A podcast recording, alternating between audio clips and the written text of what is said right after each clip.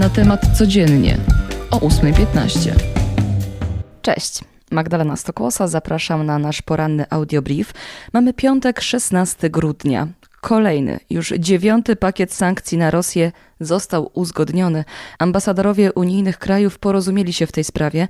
Około 200 kolejnych Rosjan znajdzie się na unijnej czarnej liście. Zapisy mówią o tym, że przede wszystkim nie będzie można eksportować do Rosji wszelkich rodzajów dronów, chemikaliów, środków paraliżujących, sprzętu noktowizyjnego, radionawigacyjnego czy elektroniki, a także sprzętu związanego z lotnictwem i przemysłem kosmicznym.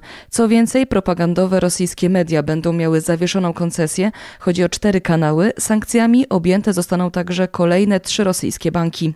Tymczasem nie ma porozumienia w polskim Sejmie w sprawie projektu ustawy o Sądzie Najwyższym.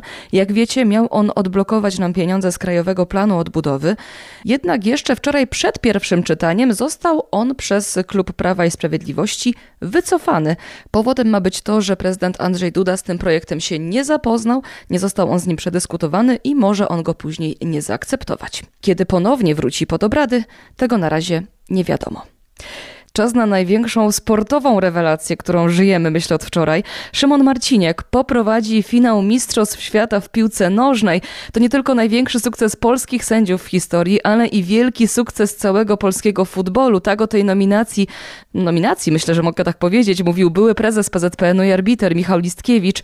Warto dodać, że w finale wystąpi cały polski zespół sędziowski. Asystentami e, arbitra z Płocka będą syn Listkiewicza, Tomasz i Paweł Sokolnicki. Za ekipę Odpowiedzialny będzie z kolei Tomasz Kwiatkowski, czyli czwarty z Polaków w finale, a sam finał mundialu, jak wiecie, w niedzielę Argentyna zmierzy się z broniącą tytułu Francją. Wcześniej, bo już jutro wielcy przegrani powalczą o trzecie miejsce, czyli Chorwacja i Maroko. Dziś przypada setna rocznica śmierci Gabriela Narutowicza, najkrócej panującego w Polsce prezydenta. Prezydent Andrzej Duda ma dziś rano złożyć kwiaty na jego grobie w archikatedrze świętego Jana Chrzciciela w Warszawie. Przypomnę, 16 grudnia 1922 roku podczas zwiedzania wystawy w warszawskiej Zachęcie został zastrzelony przez malarza Eligiusza Niewiadomskiego, ideowo związanego z endecją. Z kolei Cały Śląsk dziś wspomina największą tragedię stanu wojennego. W Katowicach odbędą się obchody 41. rocznicy pacyfikacji kopalni Wujek. O 11 na 3 minuty zabrzmiał syreny alarmowe. Pamięci poległych uczczą m.in. uczniowie, którzy wezmą udział w biegu dziewięciu górników. To ponad 850 osób z 86 szkół Śląska i Zagłębia. Jeżeli ktoś z Was w ten weekend wybiera się w góry, to synoptycy ostrzegają, lawinowa trujeczka obowiązuje już w Tatrach. Na górskich szlakach jest bardzo niebezpiecznie, wieje silny wiatr osiągający w porywach nawet 80 km na godzinę. Ja wiem, że są amatorzy takich klimatów. E, ja jednak nawet wychodząc z domu przypominam, żeby pamiętać o odpowiednim stroju, no bo ciepło to raczej teraz już nie będzie. A co dopiero w górach? Warunki do uprawiania turystyki w wyższych partiach Tatr są ekstremalnie trudne. Na Kasprowym Wierchu leży już 75 cm śniegu. Na tydzień przed świętami ostrzegamy też, że otwieranie prezentów może zakończyć się międzynarodową aferą. No chyba wszyscy wiemy o co chodzi. Szef Komendy Głównej Policji jest teraz najsłynniejszym polskim policjantem.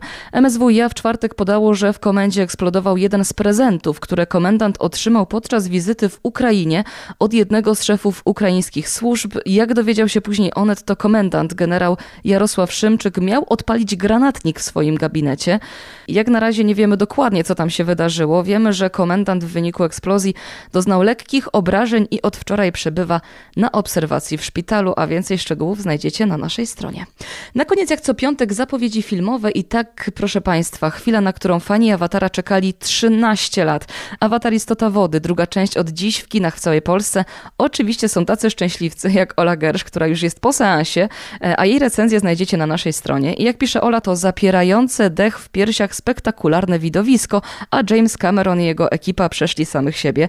No lepszej polecajki chyba nie można usłyszeć. Film trwa 3 godziny. Akcja ma miejsce ponad 10 lat po awatarze, gdy Pandorę znowu napada wroga korporacja i znów Jake Sully i Nate Erie muszą się bronić. Tym razem ze swoimi dziećmi chronią się u innego klanu. A jeżeli ktoś z Was nie pamięta jedynki, to też znajdziecie tutaj przypominajkę na naszej stronie głównej. Ja tymczasem już się z Wami żegnam. Magdalena Stokłosa, dzięki i do usłyszenia. Cześć.